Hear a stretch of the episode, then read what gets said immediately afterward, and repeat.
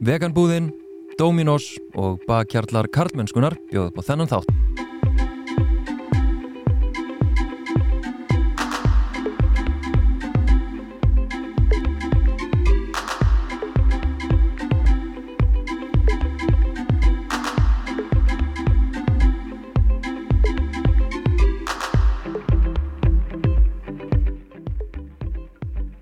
Þú ert að hlusta á hundraðasta hlaðvarpstátt Karlmennskunar og það með braut riðjandanum pop, goðinu og henni augrandi þjóðar gersemi Páli Óskari Hjálmtís sinni velkomin Pál Óskar. Takk kjærlega og ég er svo stoltur af því að fá að vera special guest star í þættir um 100 af kallmennskunni og ég verða óskar þér til hamingju með þetta starf sem þú ert að vinna. Takk þetta er bara fyrsti dropin í hafið sem við þurfum og búið að vera brjálaðslega áhugavert að hlusta á svo þætti hjá þér og reyna, þú veist að klófesta karlmennskuna og, og kvenleikan þú veist, er, er, er þið búið að takast það? Er þið búið að komast að hvað karlmennskan er og hva, hvað er karlmennska og hvað er kvenleiki? Einmitt, sko. Getur þú sagt það? Um, sko, nei, jú, jú, ég menna, ég, sko, ok Þetta er náttúrulega alls konar fyrirbæri þú veist, þetta er bara eitthvað sem er í menningun okkar þetta tengir sögun okkar og svo frammeðis og það sem ég hef verið að reyna að gera með þessu, ef að segja, verkefni mínu og, og í raunin bara frá því að ég frétti þetta með feðraveldið er að að að læra um þetta, hvað er þetta? Og af hverju hefur þetta svo mikil áhrif? Þú veist, af því að þetta er áþreifanlegt þó að þetta sé fullkomlega abstrakt Mm þú veist, ég meina þannig að nei, ég get ekki sagt við hvað er karlmennska eða hvernig hún á að vera en ég get líst í ef að segja hvers konar áhrif, hvers konar hugmyndi hvers konar orðrað tengist skaleri karlmennsku, ráðandi karlmennsku allt þetta. Og þú veist, ég ímynda mér alveg að ég ímynda mér að þó þú spyrir mig svona að þá hafið þú alveg þurft að takast á við er það ekki? Eitthvað svona karlmennsku kvenleika Mm. hugmyndir eða hvað? Jú, jú, ég hef ekki farið varhlut á því en sko kallið minn. Nei. Og uh, ég segja hvað mér finnst. Uh, nú er ég uh, hommi og hef fengið að, að fylgjast með uh, köllum og konum Mhm. og samskiptum kynjana mhm, þú veist í, í eh, dagsins önn. Mhm. og uh, ég er einn af þeim sem situr hrann tölvuna og græt þegar ég sé kallmenn og konur nakk nakk rífast við hvort annað. Mér líður bara svo skilnaðabarni Já, já, vegna þess að ég er mér finnst ég vera svo lánsamur og svo heppin að hafa fengið í vöggugjöf bæði karlmennskuna og kvenleikan já, já, já, já. og ég mér finnst ég hafa fengið hvað ég að segja í, í, í skrokkinu á mér, ég get ekki heldur klófest þetta beint, hvað, hvað er þetta Nei. En hefur eitthvað hort á RuPaul's Drag Race? Hefur ekki hann fylgst með þessu þáttum? Nei, ógeðsla lítið, ég er bara einn og einn þátt sko. Ok, RuPaul's Drag Race skoðar þetta Ok. svolítið mikið og RuPaul hann á uh, eitt svona spakmæli Ok, sem hljóma svona We're born naked and the rest is drag. Mm. og þarna er ég svolítið mikil skoðanasistir RuPaul. vegna þess að þegar tali best að, að karlmennsku eða kvenleika mér persónulega finnst þetta að vera leikrit. Já, uh, þar sem leikararnir taka þátt í leikritinu og öllum, öllum leikreglunum gaggrinnislaust og fara í karakter og tala bara í frösum. Mm þú veist, frasa eins og blessa maður, alltaf í boltanum. eh." og frasa eins og ó, mussi, mussi, mussi þú veist, rosalega ég heyri bara frasa. Enginn af þessum frösum er beint heiðalegur það er ekki verið að sína sér innri mann. Þetta er rosalega sjalló, þetta er bara svona skél -hmm.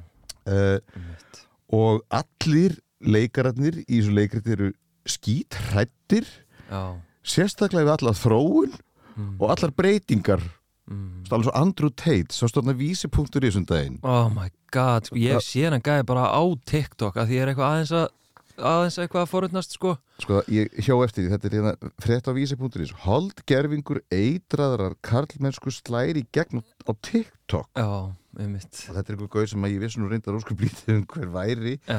áður en ég las þetta plugg frá vísa.is Mhm, en uh, Andrew Tate er sem sagt að leika leikrit. Mhm, og uh, nú er ég búin að að, svona, ekki bara lesa frétt heldur aðeins hérna, skoða, þú veist hver þessi maður er. Mhm. Og uh, Andrew Tate fyrir þá sem ekki vita hann uh, sem sagt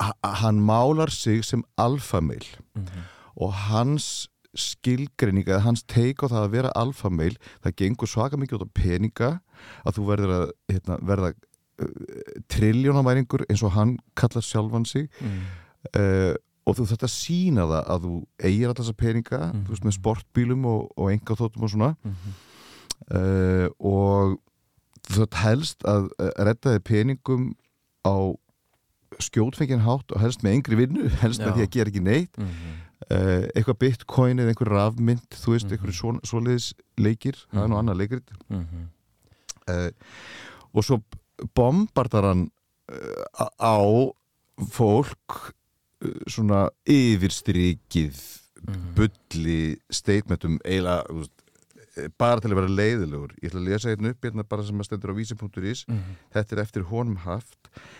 Uh, Karlmaður getur einungis haldið framhjá með konu sem hann elskar. Ef ég er með konu sem ég elska og fer út og sef hjá annari konu sem að mér alveg samum þá er það ekki framhjáhald það er æfing. En ef hún talar við annan karlmann þá er það framhjáhald. Já. Ok? Mm, uh, þetta, veistu hvað ég held þetta sé? mm, Þetta eru öfgafull viðbrögð. Mhm, við eh, síðustu bylgju, nýjustu bylgju feminisma, Já, þú veist, öfgafeminismanum mm, uh, og þetta eru strákar, því miður þá er hann hérna, að skora svona feitt hjá ungum strákum mhm, sem f- kannski finnst þeim núna að vera í sjálfheldu. Mhm, þú veist, þetta eru ungi strákar sem þú er ekki einu svona að bjóða stelpum á date af ótta við að vera kansileraðir mm, eða útskúfaðir. Þannig að þetta er reaksjón, Mhm. þetta er viðbragð mhm, þeirra mhm. Við nýjustu bylgi feminismans og byltingarinnar. Þe þe þe þetta komment frá honum sem ég var að lesa upp er mjög öfgafullt mhm, með bull. Mhm, en þeir í álfurinni upplifa MeToo byltinguna sem nákvæmlega svona öfgar í þess átt. Þeim, þeim finnst þeir vera að svara í sömu mynd. Algjörlega og upplifa einhvern veginn sig vera hérna kúaða eða hérna verða fyrir ósangjörnum árásum og, og alls konar. En, en það sem að mjögst líka áhört við hennan mann, Andrew Tate er sko tengingin við ef að segja Ísland, þar að segja við eigum alveg ef að segja okkar fulltrúa og málsvara uh, í líkingu við þennan mann. Já, já. og hérna og þeir eru nokkur ég er, ég er að pæla, þú veist, kallbenn mm, eins og Andrew Tate Mm. sem tala svona um konur. Mm, hvaða konur deytaði síðan how do they score chicks?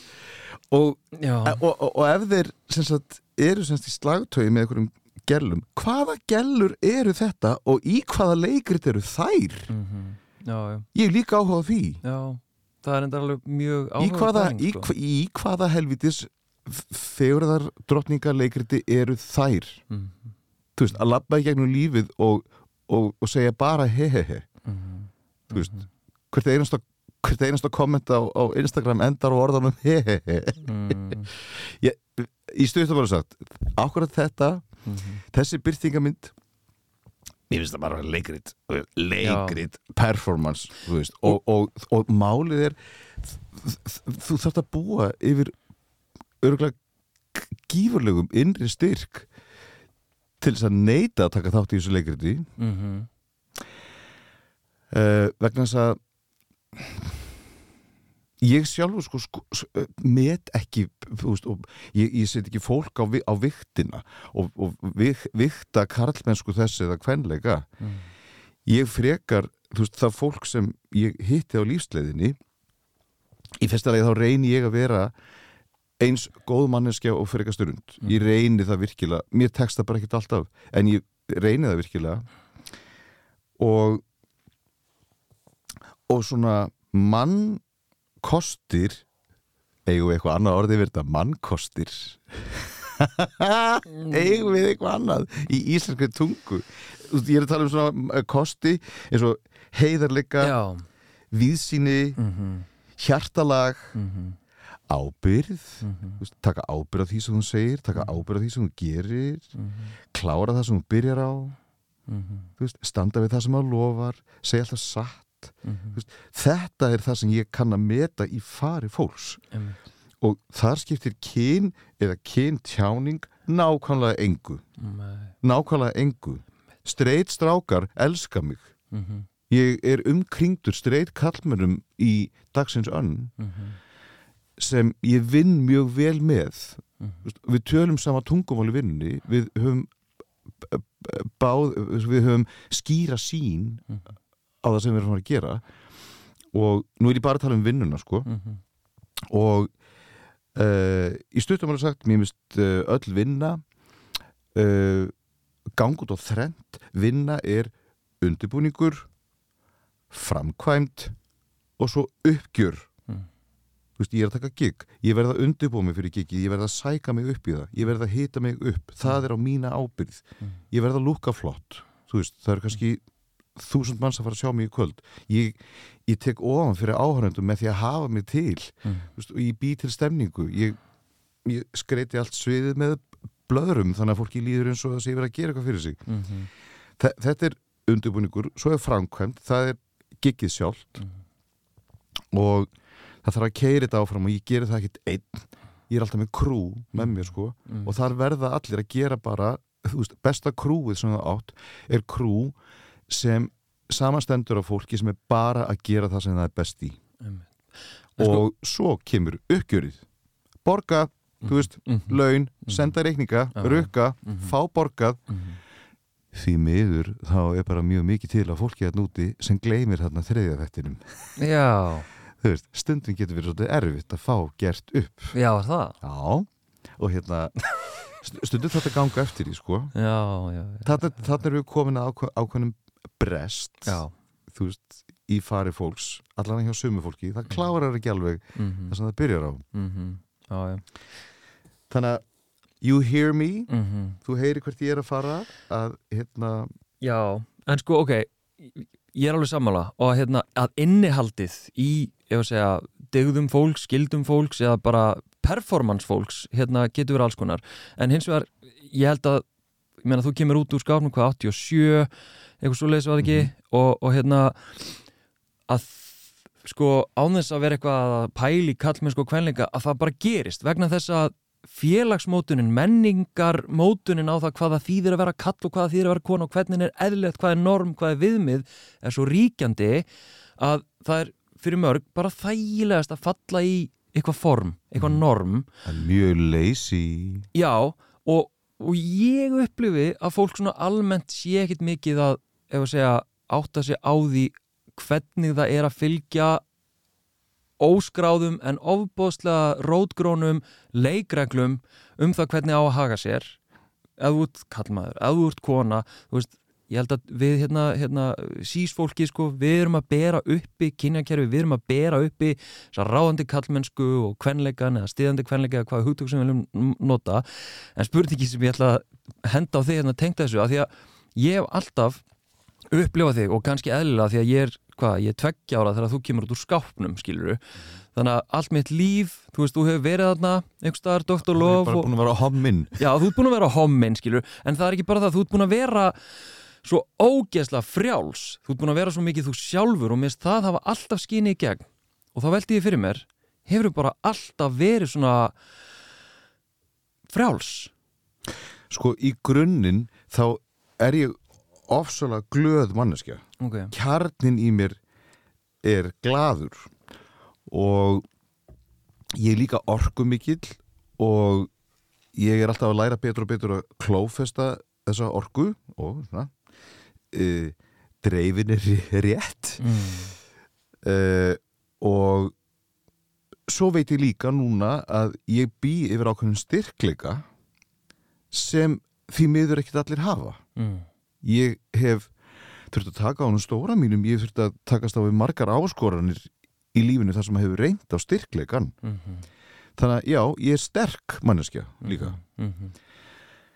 mm, ok, þú upplifið mig sem er rosalega frjálsan ok, sko Upplifir þú það ekki? það sem ég get alveg fúslega viðkjönd fyrir þér er að ég er líka að leika leikrit sérstaklega þegar ég komin upp á svið þú veist, það eru ljós og þú veist, lights, camera, action allt þetta kringu að, upp á sviði Mm. þá kýs ég að skrúfa upp drottninguna í mér. Mm. og gefa hana áfram. Drottningin í mér er líka prímátuna hún heimtar að fólk taki eftir sér. Mhm. uh, hún er dressuð upp í eitthvað sem maður getur ekki að fara frá mér þóttu stættir í tvekja kílometra fjallar frá mér og ég verð að sjást á sviðinu og það verður að heyrast í mér Mhm. þetta er svona krafa sem ég geri Mhm. og á sviði að þá er alveg nóg pláss til þess að stækka sig, stækka alla taktana og skrúa þá upp og þetta ger ég mjög meðvitað Mhm. að því drottningin býr í mér og ég verð að hleypin út þú, ver, þú verður að hleypa út litla óarga dýrunni í þér á og til. Að því ef þú gerir það ekki þá bara brjálast þú. Mhm. uh, og það mun sjást á þér. Já, en á sviði og, og mál er, eh, en svo af sviðinu Já, ég lendi alltaf á jörðinni ok. strax. Mhm. uh, get ef eitthvað kom fyrir þá dílum við við það. Þú veist, ok, mónitorinn datt út hér, við verðum að, að gera, gera við hann, laga þennan bla. Mhm. Uh, bara, þú veist, og ég er, ég er um leið og ég er komin að sviðinu þú, þú veist, þá er ég strax komin út í praktíkina þú veist, ah, þessi búningur ripnaði, ringi kókó, gera við skilur, Mhm.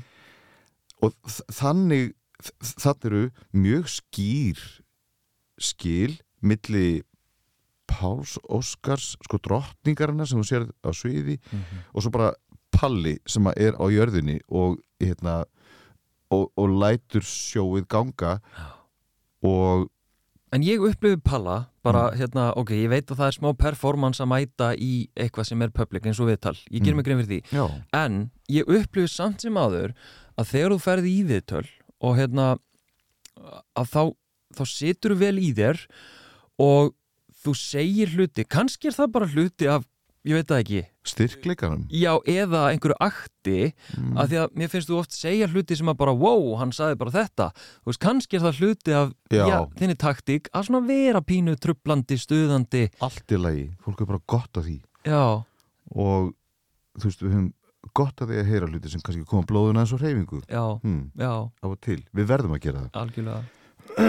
Og mm, ég sko aftur á móti ég hjó eftir í áðan að, að þú veist við erum búin að tala um hennan tala um þetta leikrið sem heitir Karlmennska og, mhm, og kvenleiki. Mhm. Uh, við erum búin að tala um fólki sem tekur þátt í þessu, í þessu leikriti og, og, og jafnvel er sko að taka þátt í leikritin í óspurðum fréttum. Já, þú veist, er ég veistu, ég vorkenni fólki sem lifir einhvers konar lífi þar sem þau eru á fulla á hverjum degi að lifa á líginni mhm. þetta er fólk að núti sem lifir á líginni lifir á einmitt einhverjum ó, óskrifuðum reglum Mhm. sem bara liggja í loftinu mhm, og fara bara eftir þeim. Ja, og fá síðan allt sitt gildismat í lífinu að láni mhm, frá einhverjum öðrum. Mhm, þetta er það hríkalegasta sem ég veit sko og, þetta er það hríkalegasta sem ég sé. Mhm. þetta finnst mér í alvörunni skadalegt sko og, og ég get lofað þér einum Mm. að uh, ég, hef þetta sem þú varst að tala um þarna áðan uh, fólk sem tekur þátt í þessu leikriti ég hef þetta frá fyrstu hendi frá mínum eigin foreldrum Mm. pappa og mömmu Margrét Mattiasdóttir og Hjándir Hjándirsson Mhm. ég er fættur og uppbalinn af fólki sem var á fullu að lifa þetta leikrit Mhm. Og þegar ég lítið baka að þá ég veit ekki, voru pappa og mamma að reyna að að, um, hvað voru þau að gera ég tek eftir því þegar ég er sex ára mm. þú veist, 1976 þá tek ég fyrst eftir því að hm, býtu verkaskiptingin á heimilin er eitthvað skrítin af hverju er mamma alltaf að elda allan matinn alltaf og hún vaskar upp Mm. og hún þrýfur og hún skeinir öllum þessum börnum og skiptir á og, uh, og pappi kemur heim úr vinnunni klukkan fjögur á daginn alltaf brjálæður í skapuna því hann svo þreyttur og hann kann á fjárstynninguna og hann kann að setja kert í kertastjaka Mm. er þessi verkaskipting ekki eitthvað skrítin Mm. Ég, Mhm. ég, byr- ég fer að taka eftir þessu strax þarna. Einmitt.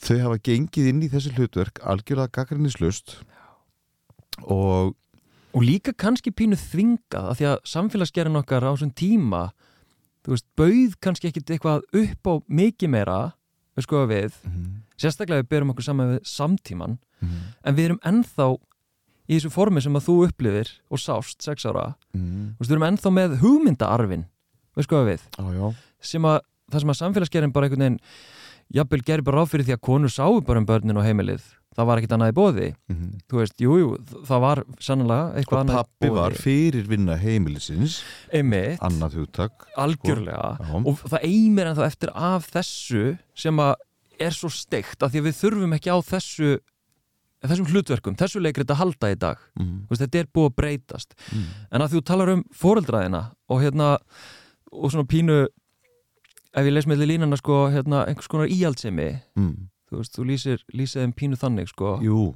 mjög. Og hérna ég sem fullorðin maður lítandi í baksinn í speilin ég Mhm. upplifi pappa og mömmu sem mjög hrætt fólk. Já, og hérna þau voru þau óttuðust álit annara mm, og hérna þau voru rosa flott, lúkkuð ógeðslega flott og vel út á við. Það ger ég nú líka. Já.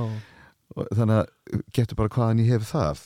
Mm og en svo hérna veit ég líka að til dæmis, þegar, þegar við erum að tala um skadlega karlmennsku núna, Mhm. jú uh,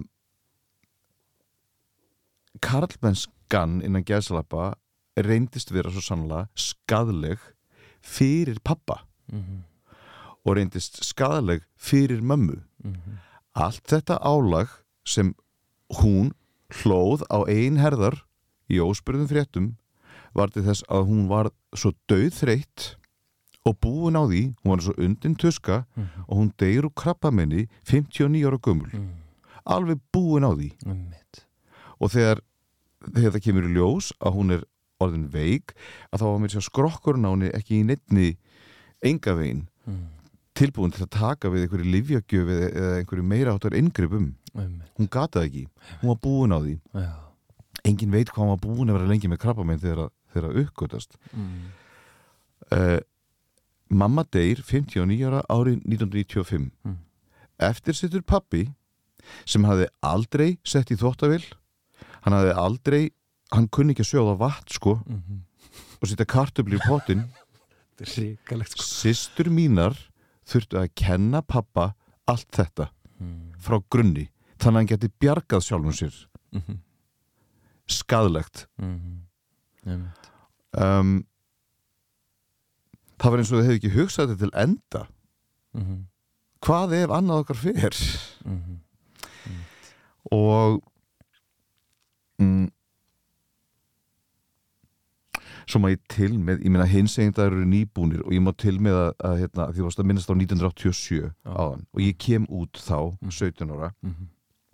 eh, ég ætla bara mín svona kom út úr skáknum og saga sé svolítið evident Ok fyrir þetta allt saman Mhm. að uh, fyrir 17 ára aldur auðvitað var ég geibann auðvitað var ég geibann uh, ég hérna er eins og geimvera í bekknum bara strax um leið og ég kem í 6 ára bekk Mm. að þá uh, og guðminn almáttu hvað ég er búin að fyrirgefa krökkunum í skólanum fyrir löngu síðan Mm. þetta var svolítið skrítið sko 70s tímabilið þarna í Vesturbæðskóla Mm. 1976 uh, þá þá var svona einhver lenska einmitt einhver óskrifuð regla í loftinu. Mhm. strákar og stelpur sátt ekki saman í bekknum. Einmitt. Það var eiginlega bara pínu lítið bannað. Mhm. ef strákur og stelpa sátu saman þá var það meira áttar mál.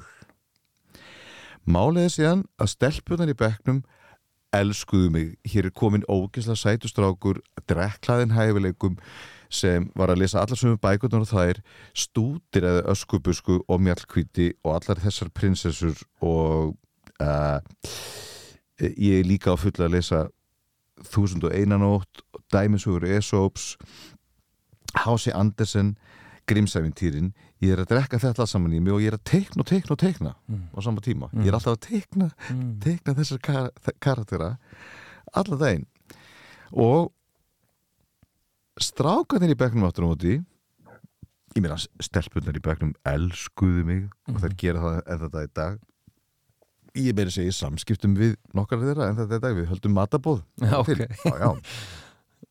uh, strákanir í bekknum áttur á móti vissu ekkert hvað er átt að gera við þetta Mm. þú veist ákveður þú bara í öskubusku Já, já, já, og daginn þe- þegar þið komist að því að ég kunni ekki fótbolta já. það var bara svona ákveðin svona félagslegur líkistunagli fyrir mig En- og, og mér varst það allt í læg ég hafði uh, null áhuga á fótbolta já, já. ég, ég veit að núna að ég til dæmis, ég fílaði ekki þessa keppnisorku þessa Mhm. aggressífu keppnisorku Einmitt. sem er á bakvið svona keppnisíþrótti það sem er 1-0 fyrir mér já, já, ég fílaði alls ekki Nei. en með stelpunum í fríminútunum var ég manna klárastur í Sippo og Tejo og Brenno og bara öllum leikjum sem endur á ó Mhm. og þannig að það vantaði ekki í mig keppniskapið Mm. og keppniskapið brýst fram þegar ég horfa á Já, bara. já. En varstu fyrir einhver aðkasti? Um, þú veist? Aldrei, aldrei líkamlegt aldrei ne- neinar uppnefningar neitt, nei, Ok. ald, e, í barnaskóla nei ok. aldrei, það sem var bara svo furðulegt er að að því strákur og stelpur mátti ekki sitja saman og að því stelpunar elskuðu mig en mátti ekki sitja með mér og að því strákarnir hmm, voru svona pínu tilbaka og vissi ekki alveg hvernig það að taka mér Mm. að þá endaði ég alltaf einn, Já, já, já. þá enda ég alltaf að sitja einn í bekknum Mm. Annarkot fremst eða í miðjunni eða aftast og það var alltaf tómur stóll við hliðin á mér og tómt borð við hliðin á mér Mm. uh, ég sat einn þanga til ég og Helga Sól, vinkona mín við kynntumst í sandkassanum þegar við vorum 5 ára Mm. þegar við erum 14 ára þá erum við orðinir bestu vinir, sko trúnóvinir þú veist, kynþroskina banku upp á og við erum unglingar og við förum á trúnó og við urðum sko hardcore alvöru vinir Mm. ég og Helga Sól tókum bara þá ákvörðun að í áttundabekk þá myndum við tvö sitja saman Já, já, já. fuck the rest Mm -hmm. það fór alltaf hliðina það held allir í bekknum að við varum byrjuð saman Já, auðvita. Einmitt. við varum byrjuð að stunda kynlíf þetta var meira átt að mál maður Einmitt. og um, þannig að uh, ég veit núna í dag þa það gerir einhverjum gott að sitja einn í skólastofunni Mm. frá 6 ára til 14 ára Mm -hmm. en það var bara staðan sko Hefur þurft að glíma eitthvað við það? ég veit ekki og ég þurft að skoða það Já. hvort þetta hafi haft einhver áhrif á veist, samskipti mín við kallmenn annars vegar og konur hins vegar Mm. um, var þetta til þess að ég uh, sannfærði sjálfum um að mér líður bara vel einum. Mhm. ég bý einn Mm -hmm. og í góðum fíling. Mm ég er kannski einfari í grunninn. Mm, er, þetta er ekkert sem bögga mig sko. Nei. Nei. Og uh, það er eiginlega frekar að hérna veistu, eina, eina dæmið sem ég man á skólalóðinni sem e, það gerist þegar ég er cirka sjö ára eða átt ára Mm. ég er eitthvað, ég myndi að leika mér í brennó bla. þá er einn gaur, hann var ekki eins og með mér í bekk einn gaur á skólalóðinni sem reytir framan í, framan í mig orðinu stelpustrákur mm. stelpustrákur og, og ég man eftir mínum viðbyrðum ég, ég horfa á hann og mér fannst ekkert að því að vera kallað stelpustrákur mér fannst Mm. það bara make a sense já, ég, já, veist, eitthvað, ha, ég fekk svona ljósapyr í hausinn ó. og hérna þannig að ég tók því ekkert illa að hann var að kalla mig stelpustrák mm. en ég spurði mig sjálf hans býtu, ég, ég svona ég, ég hallaði hann til flatt og spurði mig akkur þarf hann, akkur þarf hann að nota já, ég er stelpustrákur en akkur þarf hann að nota þennan tón já, já, já, já. Og það er þessi tón nefnilega sem er fundamental sem skiptir máli Mm og ég hef verið kallaður ímislegt og uppnefndur ímislegt uh, engum og sérlega þegar lætin byrja í poppinu -hmm. 1991 strax eftir Rocky Horror í MH Mhm. að strax eftir þennan hemma gunnþátt að þá vissi einhvern veginn öll þjóðin hver maður væri. Mm. voru bara eina tver sjónvastöðar skilur á Íslandi. Þjóðin var að horfa á það sama það kvöldið. Já, hemma Gunn alltaf já, bara, já, þetta Komið- heilugst helgstund. Algjörlega. Og hérna uh, og þá byrja svona uh, hróp og köll. Ég með þá er ekki samfélagsmiðlar. Ef einhver vildi hrópa og kalla eitthvað á mann þá gerði viðkomandi það bara út á götu. Já, mitt oftar en ekki á laugaveginum mm. um helgar og föstum og já, þegar fólk er kannski aðeins komið í glas og svona. Já. Þá hérna uh, sérstaklega á árunum myndi ég segja 91 til 95 það var svolítið þungur róður, það var svolítið, svolítið töff mm. að vera bara í miðbænum um helgar þá sko. Ok. Mm, og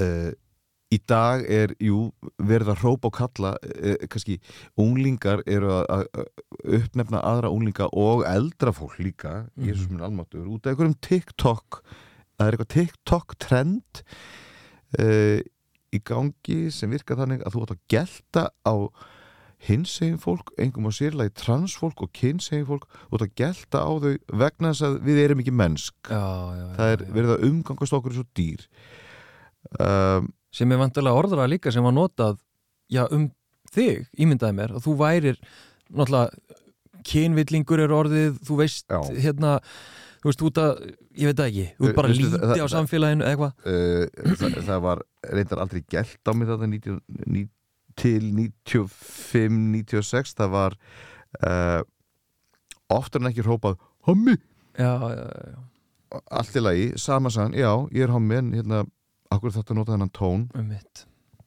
sumir kusu bara að hérna, stitta hrópin og köllin og argið og gargið niður í bara eitt lítið tveggjastafa orð og það var bara einfallega OI mjög oft sem ég heyrði einhvern öskra á eftir mér bara einfallega OI mm. það var verst. Mm. Og mm, þannig að það er búið að vera uppnefn okkur og það er búið að, það er búið að ar- arga og garga okkur í, í aldana rás Mhm. fyrst þegar ég heyrði um daginn um, um þetta bakslag sem við erum að díla við núna Mhm.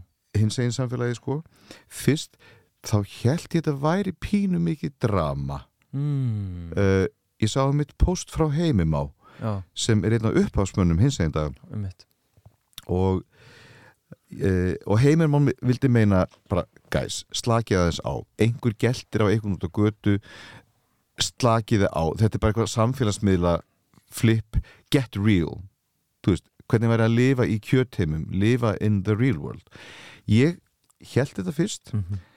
en ég veit ekki hverjir eru vinir heimismás á samfélagsmiðlum eða hverjan umgengst Mhm. en ég er aftur á móti bæði að sjá og finna fyrir orðræðu frá fullotnum fólki fólki sem er á söpum aldrei og ég er Mhm.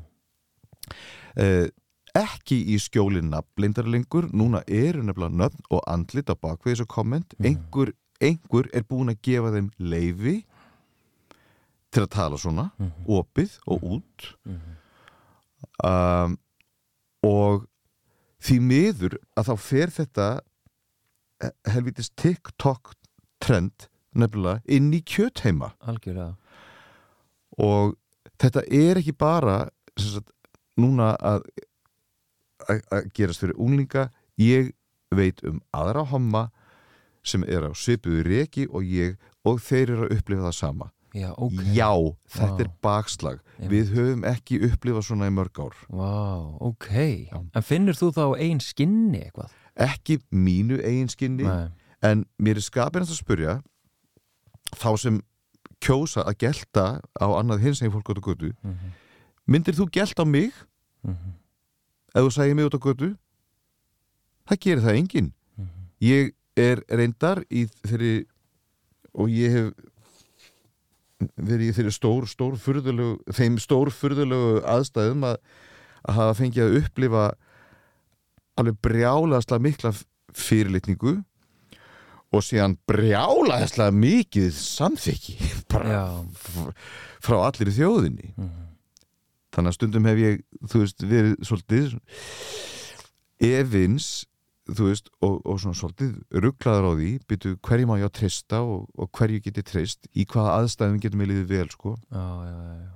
uh, en í dag þá uh, bý ég við þann luxus að ef að ég fer út fyrir húsins styr í almannarýmið að þá oftar en ekki tekur fólk mér vel Mhm. eða jafnvel brosir til mín Mhm. ég er að hitta ókunnult fólk sem ljómar Mhm. í andlitinu þegar það sér mig og brosir til mín Mm, ég veit ekki hversu margir hér, hér á Íslandi fá nokk tíðan að upplifa slíkt Mhm. frá, full, frá ókunnugu fólki Mhm. og ég brosi tilbaka Mhm. og það bregst ekki ef ég fer bara út í búð að versla að þá er einhver í búðinni hvort sem hann er á barnsaldri eða fullorðnari einhver byður mig um selfie Mhm. og ég segi alltaf já bannað að segja nei, bara um leið og ég er komin í almanrýmið be nice Mhm. og það borgar sig að segja þetta kannski við hann Andrew Tate veist, sem langar rosalega mikið til að vera imp- important, ég ætla að vitna bara í Oscar Wilde it's nice to be important but more important to be nice Mhm. og ég kýs að gera það Mhm.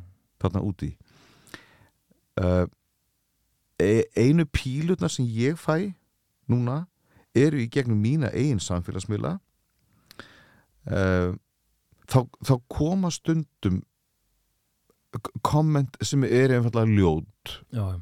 þú veist, fólk sem er bara að skrifa eitthvað til að vera leiðilegt Mhm. ég blokka þetta fólk bara strax ég, ég stróka, stróka bara strax út já. Varstu ég má það, þetta er minn samfélagsmiðl Já, já. En varstu aldrei, minna, því þú lýsir svona pínu hérna, hostal umhverju og allt þetta og svo einhvern veginn verður popstjarnan og, og bara svona táknið einhvern veginn í okkar samfélagi uh, og þú segir sko, þú fagnar því þegar fólk einhvern veginn svona þekkir á götu og allt þetta en kom aldrei tímabötur það sem þú varst var um þig, einmitt, þú talar aðeins um það veist ekki hverjum út að treyst eða í hvað aðstæðum allt þetta, var aldrei það sem þú þurfti svona, ég varð að vera var um mig sérstaklega til að byrja með. Já, ég myndi að segja mitt frá þarna, tímabilinu 90 til 95 já, já, og það end, enda einfallega með því að ég hugsaði mér sjálf mér, heyrðu, þetta er oftar en ekki að gerast á laugaveginum eða á djamminu á föstum og lögutum mhm, Palli, er einhver annar staður sem þið langar til að vera á á föstu dögum og lögudögum millir 10 og 3 á nóttunni? Já, ég fann það. Mhm. og uh, núna, það er fullt af öðrum stöðum þar sem að ég get verið í fínum fíling á Mhm, á þessum sama tíma.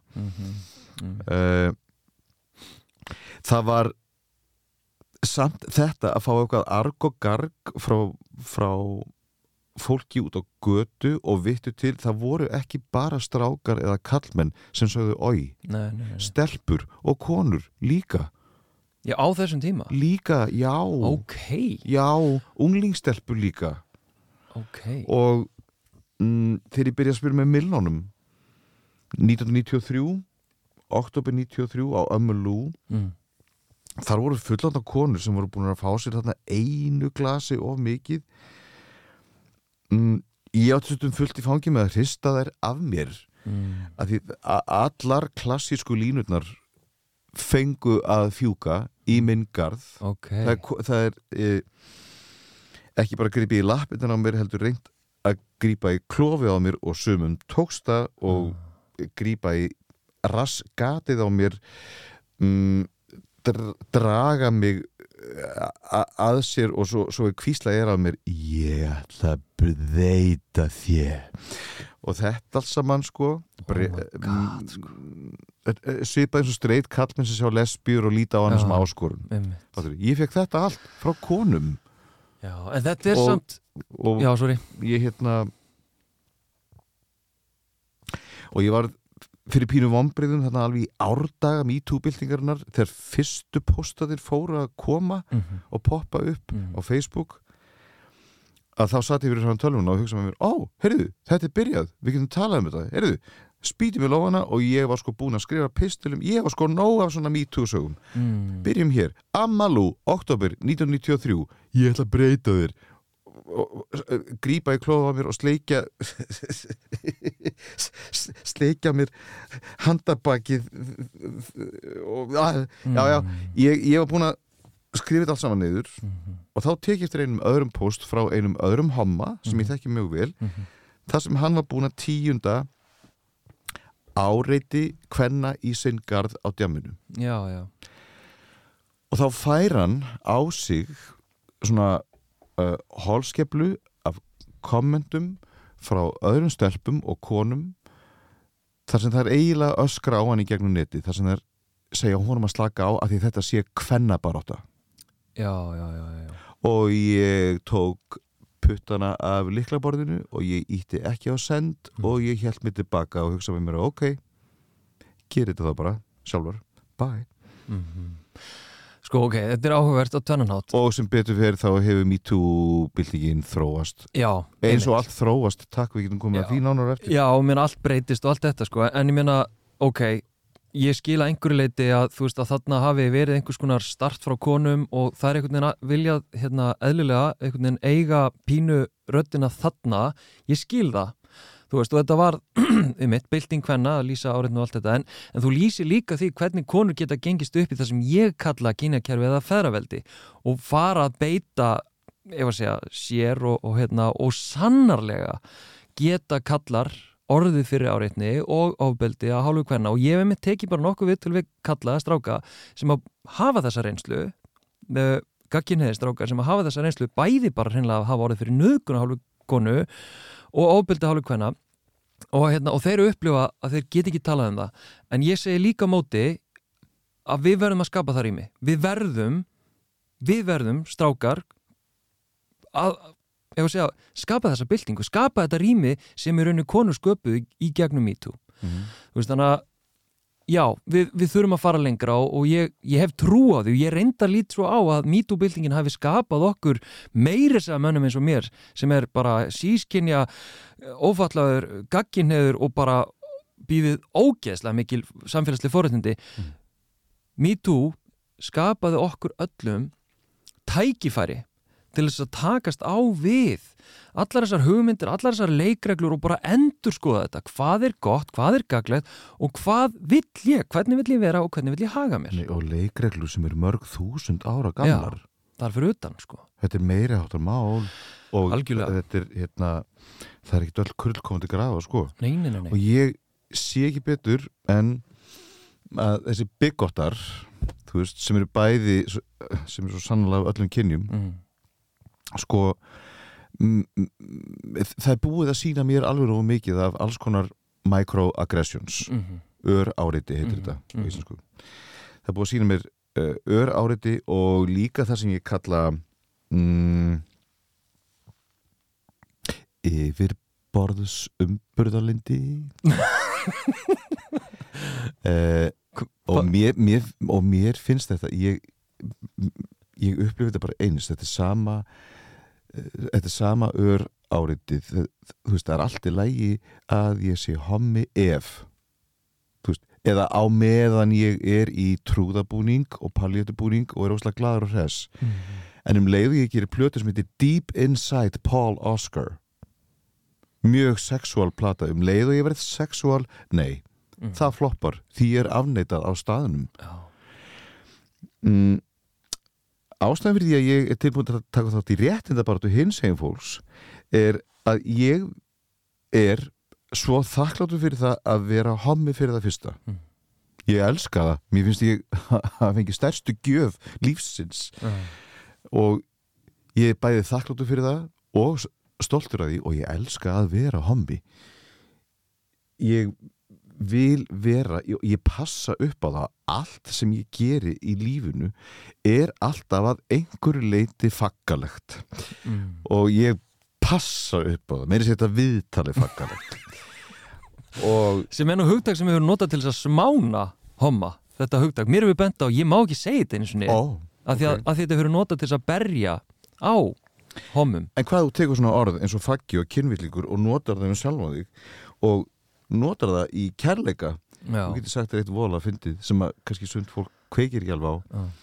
að við sem erum hins einn uh, og, og komum út við höfum öll verið beitt einhvers konar microaggressions Mm. og, og það er búið að kasta í okkur pílum eins og að það sagði uh, í RuPaul þáttunum mm. þá stunda þær það að lesa hvoraðara Mm. reading, Mm. setja á sig sólgleru og þær lesa hvoraðara ok vennlegt fólk sem horfur á þetta þú veist, örgulega fórnar f- þú veist, tekur andköf af neykslan og hérna yfir því hvernig við tölum við hvoraðara við drottningarnar mm. eh, þetta gæti komið út við fyrstu sín eins og við séum að hata hvoraðara ok, en að, að, að grilla svona hvoraðara veist, með húmor nú getur sagt það fréttir það er rosa mikil ást í því. Mm. við erum að sína við drottningarnar sínum hvor annari rosa ást með því að lesa hvoraðara svona. Þetta er ákveðið sport sko. Ok. Já, já. Og, og ég er svolítið verið að spá í því hverju gerum við þetta? Og eina svari sem ég kemst að með sjálfum mér mm. er að við erum margar hverjar drottningarnar, við erum vanar ofbeldinu, við erum vanar ör á áriðinu mm. og við notum þetta ákvörðaðra til að heila, til að lækna sárin, að fá þetta sendt til okkar á góðan hátt en ekki, þú veist, að fá þetta sendt með réttum tón, Já, eins og ég sagði tónnin skiptir máli, einmitt. Einmitt. Þú mátt kalla mig hvað sem þú vill sko, en tónnin er svo ógæslega mikilvægur. Já, einmitt, vá, þetta er og, góð búnd og, og að lesa hvort aðra þú verður alltaf að segja satt já, skilur, bestu brandararnir eru þeir sem eru sannir. Mm. og mm,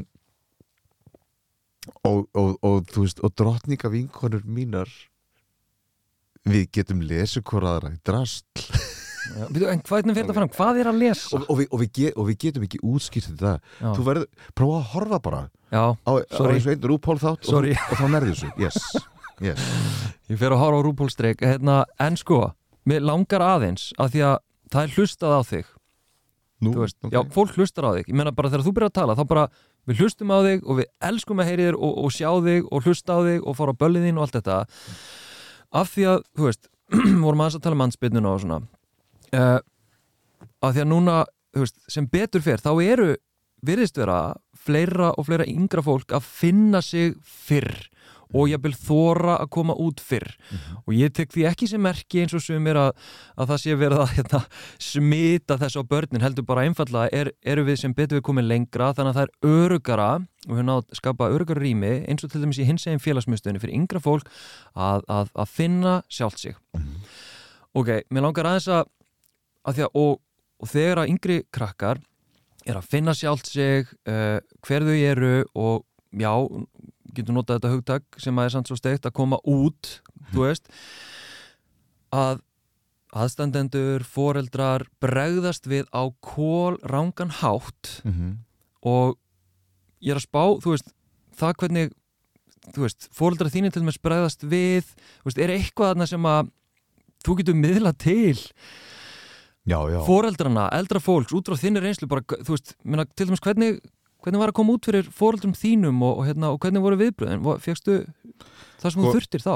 Mm, nei, pappi og mamma síndu öll vittlösu viðbröðin Ok. öll koll, koll röngu viðbröðin Ok. og áðinni fyrir að segja að coming out svo þá þarf ég að taka skýrt fram að ég hef náð að finna plássið í sjálfum mér til að fyrirgefa þeim. Ok, ok uh, ég, það þurfti gríðarlega sjálfsvinnu til þess og ég þurfti að nota allan minn styrk til þess Mm. að leita svara við því af hverju þau bröður svona við og að gera mig grein fyrir því á hvaða stað þau voru og frá hvaða stað þau komu mm.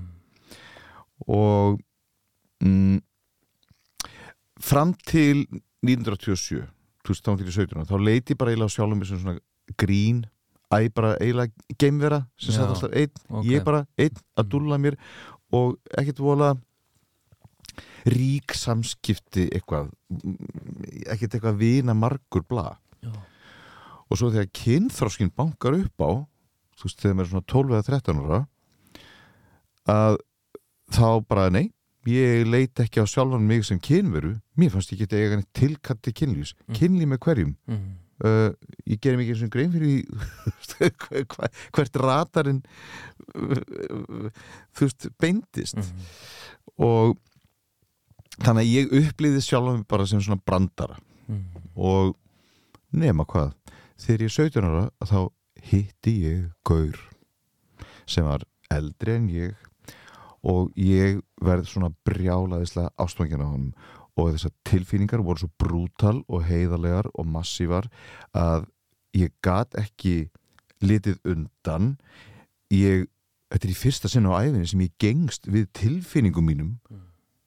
þú veist og það er þessi maður sem spyr mig jæja, uh, Palli, ætlaðu þú að koma út? Ha? Út úr skápnum? Ég? Já Þú verður að, koma út úr skápnum? Nú, akkur uh, að því pappi þinn og mamma og þínir nánustu þú ert yngstur að sjö sískinum sko fólkið í kringu þig verður að vita. Þú þarf ekki að koma út fyrir öllum í skólanum eða þú þarf ekki að koma út í vinnunni bla. Mm. en fólkið sem stendur þér nærri verður að fá að vita. Nú ertu búin að koma út fyrir sjálfum þér það er fyrsta skrifið og núna verður að undirbúa það að koma út fyrir pappmömmu uh, og hvernig ger ég það ja, það er bókasafn í samtökunum 78 hefur aldrei farið þangað? Nei já, þú ferð, hann eiginlega skipaði mér að fara sko. Já. og, og ég spyrir hann, viltu koma með mér? Nei hann. nú okkur ekki vegna þess að þegar þú stígur yfir þennan þröskuld í samtökunum 78 á Lindagötunni í þessu gamla timburúsi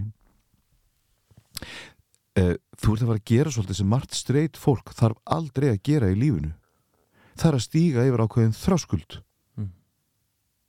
pældi í, streit fólk þarf aldrei að gera þetta Mhm. pældi í sjálfsskoðuninni Mhm. þú veist, sem fer í gang og fer fram á meðan þú stígur yfir þennan þröskuld Mhm.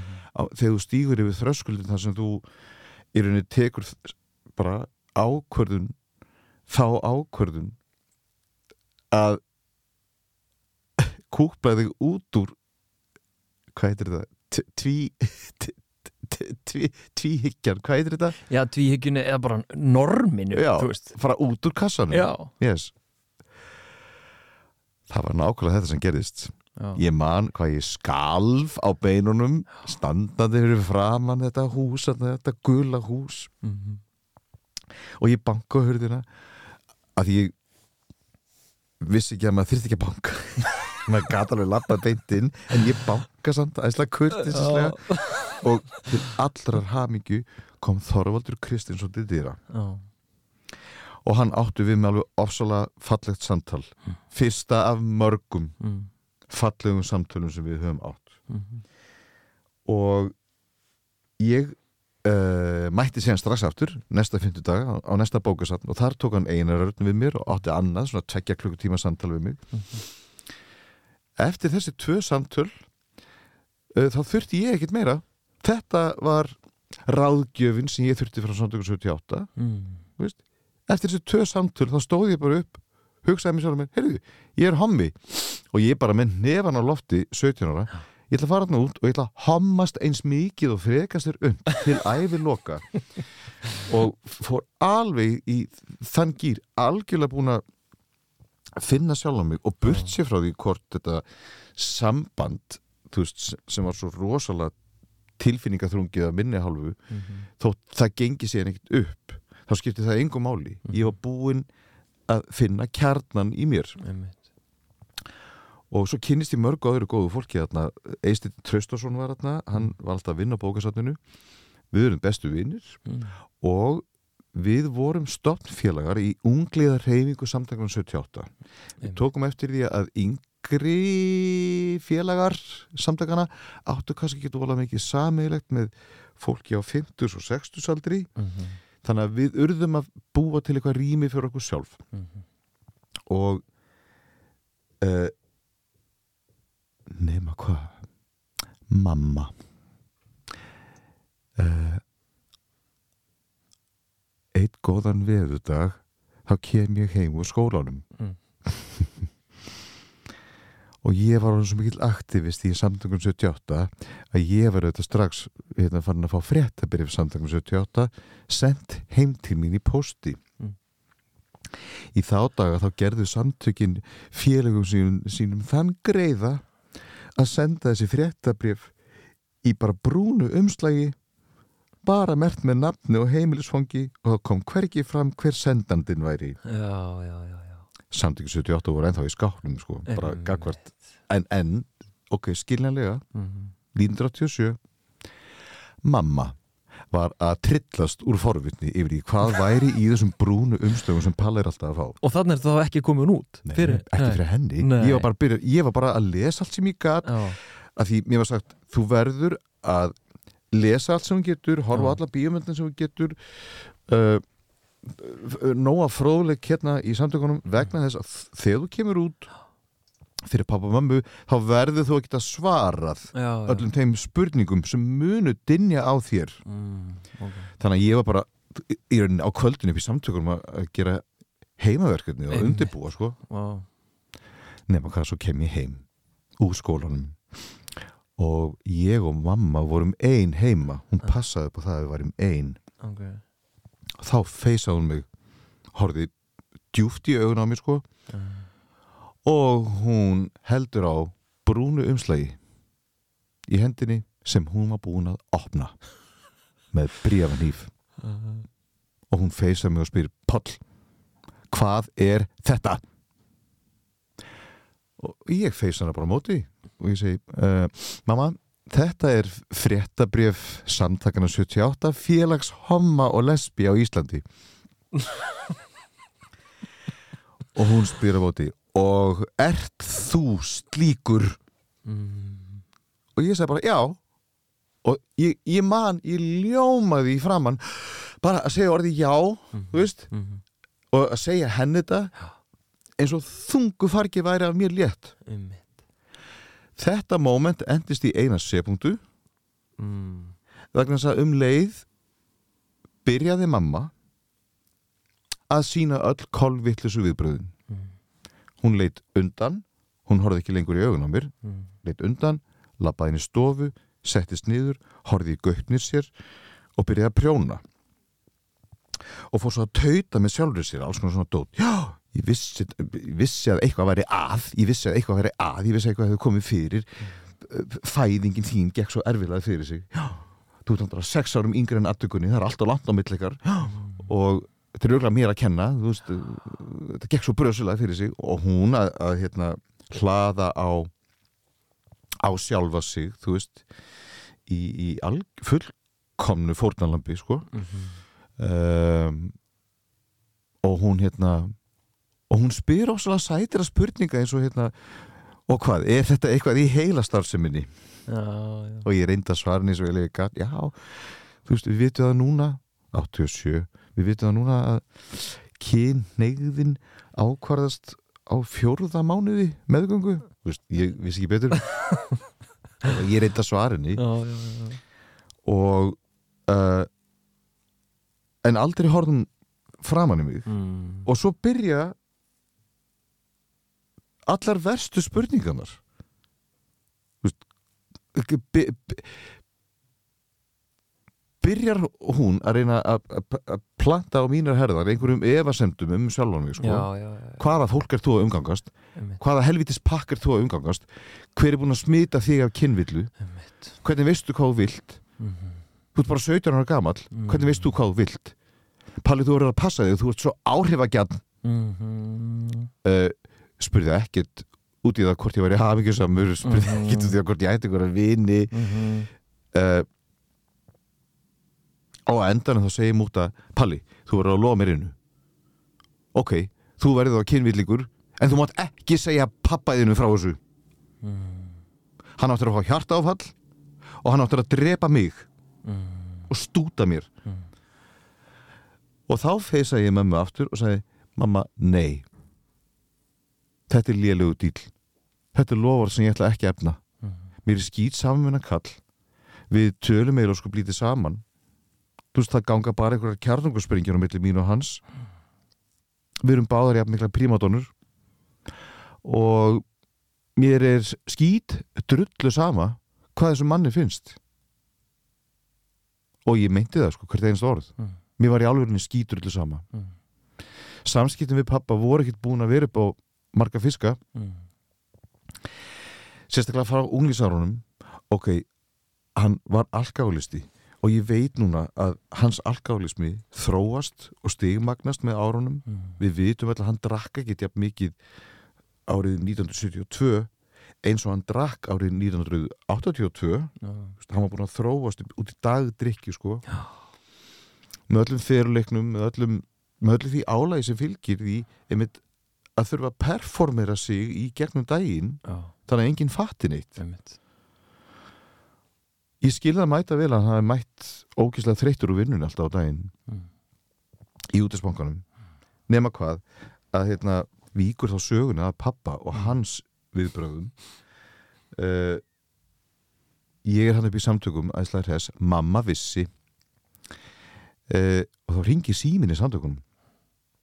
Blaðamaður frá þjóðviljanum sem hafi frétta því að það væri ykkur ungliðar reyfing í samtökunum og hún vildi sko fá að tala við ykkur talsmann þessar ungliðar reyfingar og ég rétti bara pönd ég skal fara í það viðtal. Mhm, Veistu, ég las þetta viðtal fyrir ekkert löngu síðan. Þetta er inn á tímarit.is ok.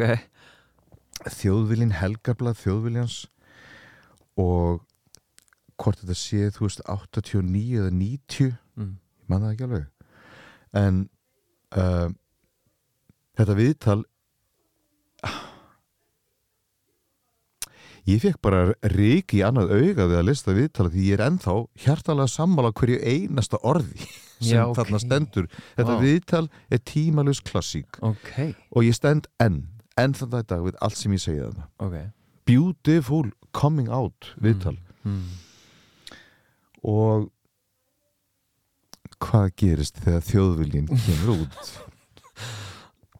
símin ringir á landsbítalunum mhm, á geðdill 33 sé þar sem mamma er að vinna sem rítari Mm. pappi öskrar á mömmu um að sapna saman öllum þjóðviljónum á landsbítalunum og setja þau í tætaran mhm, Pappi hljóp niður allar fimm hæðirnar upp og niður í útisbankanum og sapnaði saman öllum þjóðviljónum og setti í tætaran. shit. Pappi kerði síðan í allar sjoppur í vesturbænum og í miðbænum. Reykjavík og nágranni keifti allar þjóðvilina sem hann gatt og setti í tætaran. oh my god. Svo kem ég heim úr skólanum.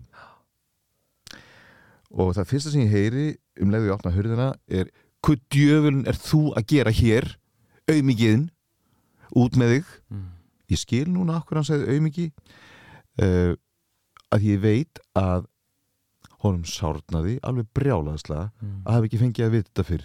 Já, já. En ég honum ekki til þess heldur sko. mhm, ég vildi ekkert fara á trúna með honum. Nei.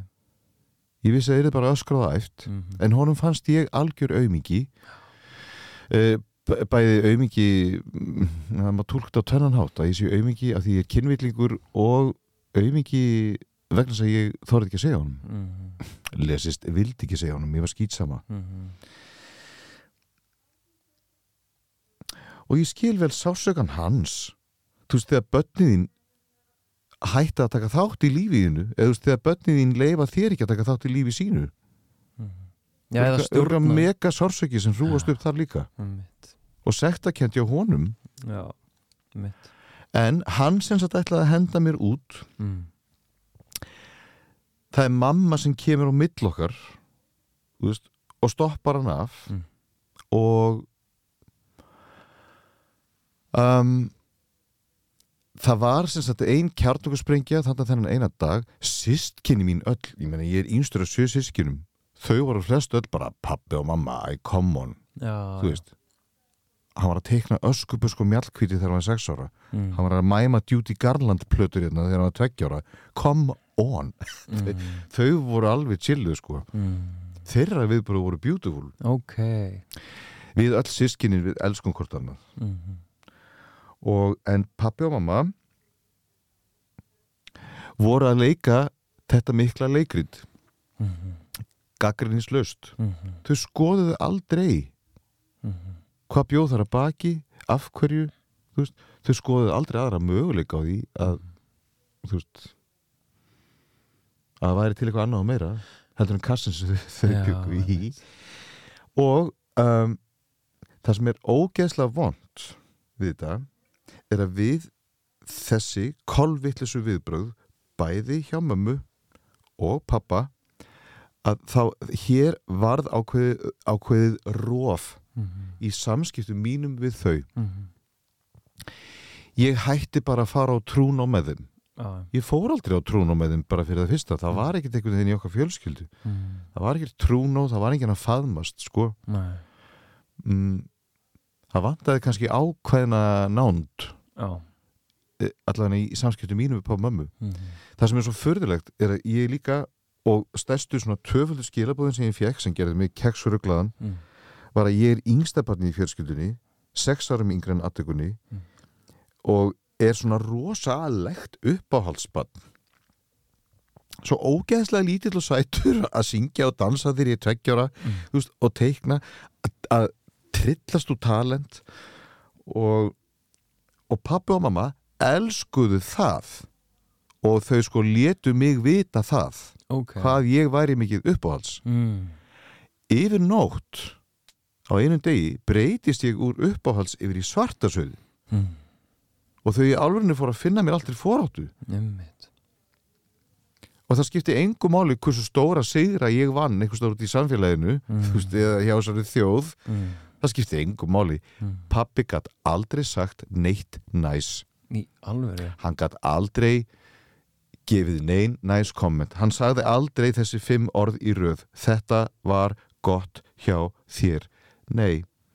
Ef ég kom heim eftir beina útsetningu hjá hemma Gunn að þá gæti að talað um einhverja nótu sem var aðeins svo fölsk hjá mér og flutt Vá. Já, byrja þar. Vá, en sko, þú, ok, þetta er náttúrulega major áfall, ímyndaði mér og hérna, ég bara veltaði fyrir mér sko, ég ætlaði reyndar að byrja viðtali sem er núna orðin rúmi klukkutíma á því að spyrja þig spurningar svona í anda Dr. Love frá hérna fylgjandi mínum á, á Instagram en við, við beilum á því, en það er ein spurning þar sem ég ætla að brúa yfir, tengt þessu, það er Mm. sko uh, í rauninni, ég veit ekki hvað mögulega, hvað hva hvað myndir þú vilja segja við, ég veit ekki, þig þarna á þessum tíma, þú í dag segja við þig þarna, eða hvað hefur vilja segja við fóreldraðina uh, þú veist, hvað þurftur sem þú fjagst ekki eitthvað svoleiðis Mm.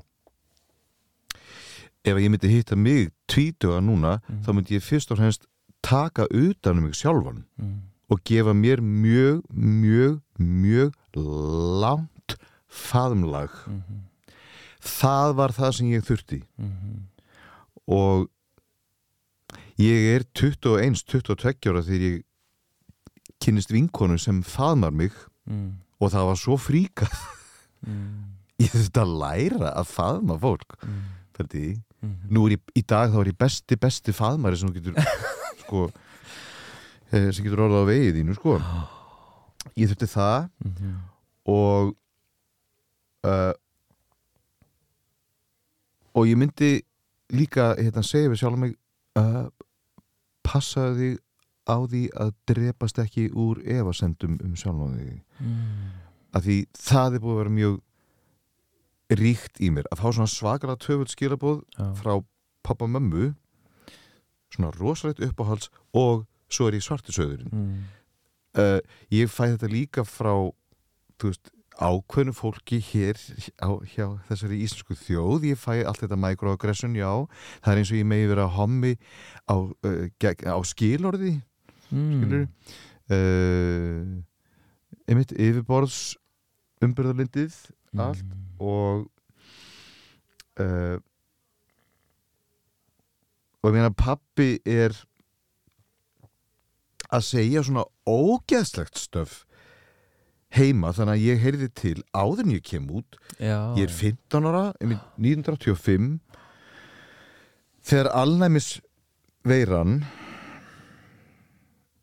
er er að gera okkur öll trillt af hræðslu og það var einhvers bandarísku sjómanstáttur á rúf Mm. einhver svona pa- einhverjar pallbors umræður um AIDS og ég get svarað að þessi, þessi umræðu þáttur var hérna, hommar öðrum veist, hommar bæði með AIDS og ekki með AIDS og síðan hinum megin var eitthvað öfgahægri kristið lið ok alveg bara, þetta var svona kjartangur sprengju þáttur ykkur sem Já. var bara búin til fyrir eitthvað sensation Já. pappi situr í hægindastólum að horfa hann á sjónvastátt og tautar með sér það á bara að senda allas að perverta á einhverja eyðegju og láta þetta pakk drepast þar Mm. ég stóð fyrir aftanan Mm. Uh, foreldrar uh, vinsamleg ábending og, og tilmæri til foreldra please viljið þið passa upp á það og aðtöða hvað þið látið út úr ykkur Mm. um hinsegin fólk innan veggi heimilisins vegna þess að þið hafið ekki hugmyndum hvort þið séu að beita eigið barn ógeðslasta ofbeldi sem þið getið beita Mm. ekki vera versti búli eigins barns Mhm. Mhm. þessi taktar hjá pappa og mömmu uh, urðu til þess að þarna, þarna, þarna kl- kliftist á eitthvað sko Mhm. Eðlilega og mm, aftur á móti sagan enda síðan þannig millir mín og pappa pappi dó árið 2002 mm. uh, í september 2002 það var bara um 20 ár síðan dó líka á krabba mér Mm. og síðustu fjögur árin sem hann lifði þá neittist ég til þess að búa á æsku heimili mínu í kjallara, Mm. unlíkaherbyggi af því að ég var næstu í gjaldtróta Mm. mm Mhm. ég gaf út plötu sem hétt Deep Inside Paul Oscar svo plata floppaði svo heitt að það tók mig sex ár að borga upp skuldirnar eftir þessa plötu Mm. og þarna læri ég nú aldrei ekki bara ég lærið allt um yfirborðs umbyrðalindið heldur líka ég læriði ímislendu það hvernig á að gera popplötur og hvernig ekki Já. bannað hérni frá a- ein feitasta ástæðin fyrir þessi plata floppaði er að hún var hálf kláruð ég tek hana hálf bakað út úr opnunum hún var full af bérliðum mjög fínum bérliður reyndar Mm. en það var engin hittari á henni Já, já, þannig að ég hef passað upp á þetta alla kvöldu síðan mm. þegar ég ger plötur og þegar ég tek upp músík Einmitt að taka hann ekki hálf bakað úr opnunum Mhm. Uh, en en þetta hefur sko ég þarf að taka þennan 20 ára mig sko Mhm. og faðmanna mér og og veistu í raunni þá, sem betur fyrir þá gerði ég allt sem ég hefði sagt þessum 20 ára guður, ég fór alveg í sjálfsvinnuna Já.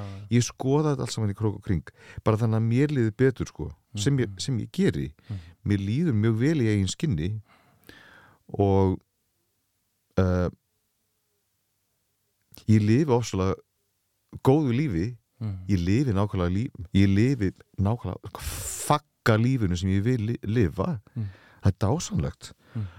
og mm, Þú hefur aldrei aðlagað homman í þér uh, við þetta gagkin negða samfélag. Þú hefur aldrei farið inn í Þú fóst út úr norminu og þú hefur bara dálítið verið þar, eða ekki? Já, takk. Mér verður aldrei langar til eignast börn. Mér verður aldrei langar til að eignast einmitt fjöhölskildu. En ég á, á saka fallit heimili og, og, og ég er að vinna vinnuna sem við dreymdum að vinna. Mhm. Allir mínir draumar hafa ræst. Eina sem ég vantar núna er köttur. Ég er að, ég er að, ég er að tjúllast núna. Nú er ég fann að þrá aðra kísu. Gutti dó í desember Ég ætla að fara mjög varlega í það að eignast nýjan kött Ég ætla kannski að fara að njósna á kísusýningum þá er lífið mitt bara fínt Já, einmitt. og ég sko mm, Ég ætla ekki að spyrja það klesikendu spurningarinn um, um ástina. Já Ég sko ég hef vorið ástfangin þrísasunum og það gekk aldrei upp Mm. og ég hef eiginlega ekki einu sinni reynt það síðan Mm. uh, Þú ert einhvern veginn, sko, ég veit það ekki, lónerinn þarna úr grunnskólanum, mm. Eimir daldið stert eftir á honum eða? Já, og veistu, mér finnst það bara allt í lagi mér, mér finnst það ekkert eitthvað ég, ég er ekkert grátandi beiskum tárum eitthvað ofan í kottan og ég er ekkert að grenja mig í svepp Nei, ég upplifði það nei. ekki, sko. nei, nei, Einmitt. ég er í, ég er bara mjög næst tappi í fínu flippi Hérna, ef við reynum að setja og máli punktinn- er að þetta með hérna, kærastana Ok, passaði það því að uh, innan raða homma mm. það er bara mjög erfitt fyrir okkur að ganga út nú, Já, já. Sko, uh, ég held að um,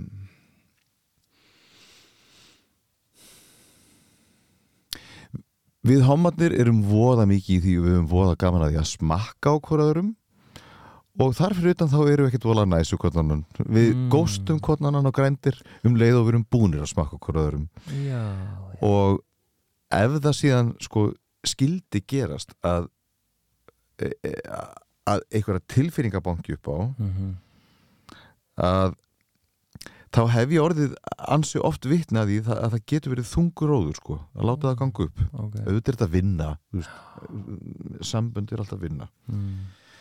Uh, en, en á meðan börn til dæmis halda sambandin ekki saman að þá er þetta ákveðin riskfaktor að hamma sambönd fjari út Mm.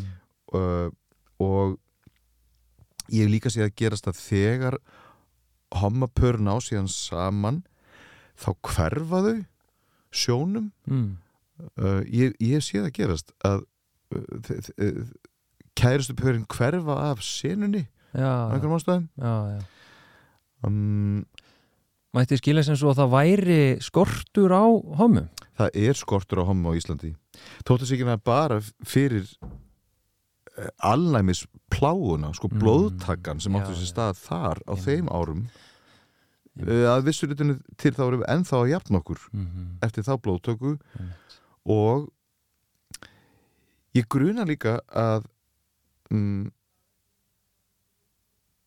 kannski eigum við homarnir svolítið erfiðara með sambönd að því við kannski höfum ekkert vola margar fyrirmyndir fyrir það fyrsta, Mhm. fyrir þeim Jú, við horfðum á öskubusku og mjallkvíti og átum þetta upp Mm. eins og margir aðrir og heldum auðvitað að lífið ætti bara síðan að vera svona Mm. verðum síðan fyrir gífurlegum vombriðum þegar við föttum að lífið er ekki svona Mhm, mhm, þetta er brjálu vinna mhm. uh, og við kannski þurfum líka við sem erum hinsegin við verðum kannski að líta í eigin barm og viðurkenna fyrir okkur sjálfum að við erum næstu því öll, jú, eiginlega bara undantenningalöst, við erum öll trámuð, við erum öll að díla við eitthvað svona tráma Mm. vegna þess að ef þú hefur eitthvað tíman verið í skápnum Mhm. þá fylgir því eh, sko bæði svo mikið andlegt álag veist, og svo færðu þið the microaggressions Mhm. og svo uh, allt þetta, veist allt í umhverfinu Mhm. sem að er að íta þér eitthvað ákvæmna átt og þú vilt það ekki og Mhm. þetta er bara fríkað svo ferðu að leika eitthvað leikrit, ert í Mhm. skápnum jafnvel giftir þig og eitthvað spötn og rembist við að leika leikrit Mhm. eftir svona rembing ég get lofa þér í, þú ert trámaður þannig að þegar þú kemur út úr skápnum Mhm. og lokar skápahörðinni viltu þá gjöra svo og lappa inn um dyrnar hjá sálfræðingi Mhm. við verðum Mhm. að- að skoða okkur sjálf og heila okkur sjálf við verðum að rekta andan um, ég tek eftir því að um, í mínum homma heimi hann er rosa sex fixaður Mm. hann er uh, það, það, það er í gangi eitthvað sem heitir bara bodyfasismi Mm. meðal homma sem er skadaleg karlmennska Já, veitu hvað því það þá? að þú verður að vera þú veist, uh, hérna þú verður að vera vaksin helst eins og Arnold Schwarzenegger var 1985 Já, Skilur- það? Já, þe- þetta, ég tekið til þessu mjög mikið sko, Ok. Kannski einhverjum að sérlega þú ert komin út fyrir landsteinuna ég held, að við, ég held að við íslensku strákarnir höfum sloppið við þetta mörguleiti mm. Guðsum lof sko, þetta er ekki jafn ríkt í okkar menningu eins og þessi bandaríkjórum Nei, ok. Uh, og um, og núna sem betur fyrr að þá hérna með þessari nýjustu bylgju feminisma kemur líka líkamsvirðingin. Mm og ég sé að hún er að kikka en líka hjá okkur homastrákurum sko. Já, já, já, já. að það er ný kynnslóð af homastrákurum sem neita að taka þátt í þessum leik. Ok. Ok, mm. Og það finnst mér að vera hitt besta mál sko. Mhm. uh, og þú sér líka réttindabaróta kvenna hefur oftar en ekki dansað saman með réttindabaróta hins eginn fólks. Alveg klálega alltaf uh, sko um, fyndið, ég veit ekki hvort þið sammála mér í en þegar það gerist eitthvað meiri áttar hjá okkur mm þá njóta konur góðsaði og væs versa Ég held að það sé bara heiklust þannig sko. Já, ég held það líka. Þessar baráttur eru náttúrulega nátengdar sko. Já, Algjörlega. Mér langar að, að, að lokum og hérna ef þú ert að brenna inni með eitthvað þá bara laumar því að. Mér langar að ég er sko að forvittnast lauma að. Big time. Mér langar svo að forvittnast Viltu lauma að áður? já, Já, Málið er að eh, talandi um réttinda Já. skiluru, í Mhm. fleirtölu ímyndað er að sko núna erum við nýbúin að taka indislega gleðugöngu Mhm. á hinsegundugum mm Mhm. Vastu nýr í bæ? já, Ok, ég veit ekki hvort þú hefði tekið eftir því. Fannst eitthvað stygsmun á stemningunum nýr í bæ? nei sko þetta var, þetta var andleg upplifun. Þetta var, þetta var ótrúlegt. Já, það var eitthvað þannig í loftinu. Bara, ég er ekki mjög svona emotional maður þar að segja ég, ég græt ekki öðvöldlega mm ég var að berjast við tárin -hmm. þetta var ótrúlega skrítið sko Já. Sko, ég fekk líka rík í annað augað já, uh, Við auðvitað höfum ekki farið í gleðugöngu í tvö ár mm út á COVID -hmm. en um, mér leið eins og veist, oft var þörf en nú er nöðsinn og nú er þetta lífspursmál já, því já, já. hérna, samfélagsmiðlarnir og stemningin þar er að morfast yfir í kjötheima og við viljum það ekki. Við, við bara drögum línuna í sandin hér sko. Einmitt.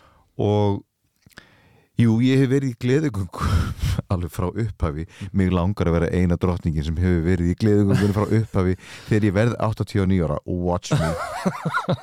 Uh, en ég hef verið í gleðugöngu þar sem fólk hefur verið út á gangstíðast og mm, mm, já, mm, he, he, he, Já, klappað já. og kurtesi en núna í ár þá var bara hvert einasta atrið sem var í göngunni, hver einasti vaks sem fóð framhjá, liði bara öskraði bara Mhm. og það var hiti í loftinu, ekki bara sól og hiti, heldur líka einhver andlegur hiti Mm, í loftinu mhm. og uh, og auðséð að, að fólk var þarna saman komið til að sína svona skílausa afstöðu með réttinda bara til hins eginn fólks Mhm. um, Vistu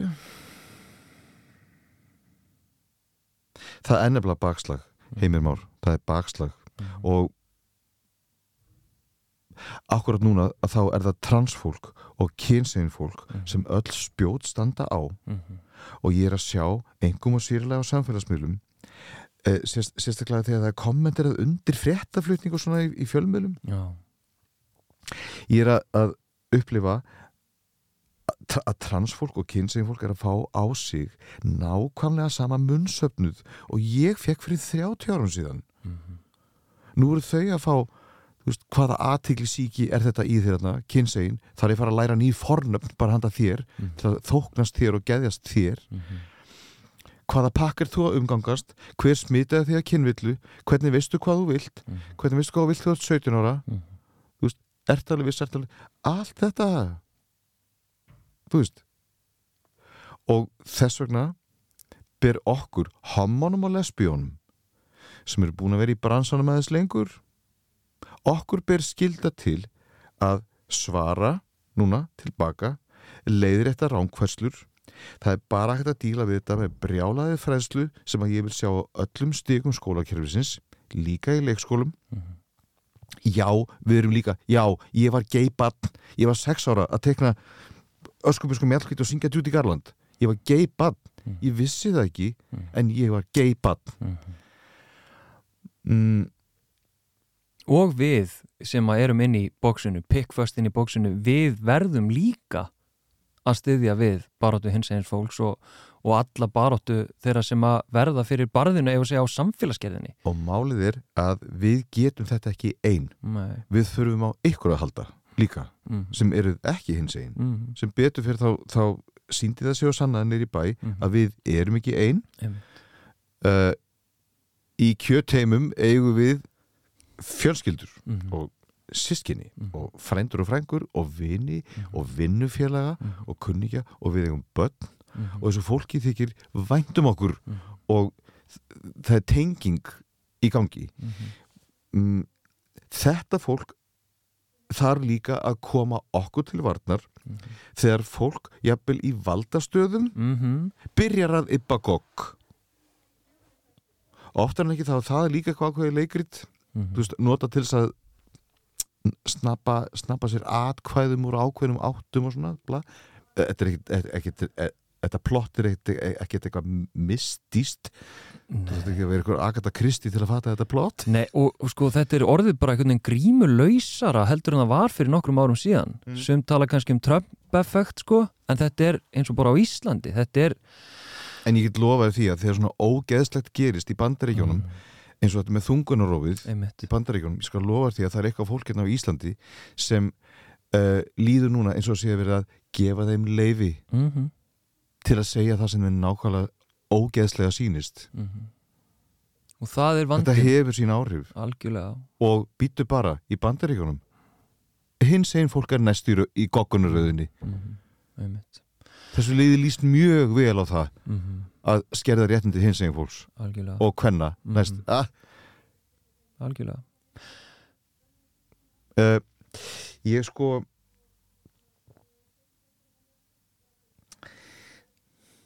hafandi sagt þetta sko þá verði ég líka og það má ekki gleyma því segjum ef að okkar réttindi bara hins eginn fólks, ímyndaður að þetta sé bara risastórt grjót eða klettur ok, í upphafi þá koma frumkvöðlar hörðu torfa og, og þetta fólk með risastóra sleggju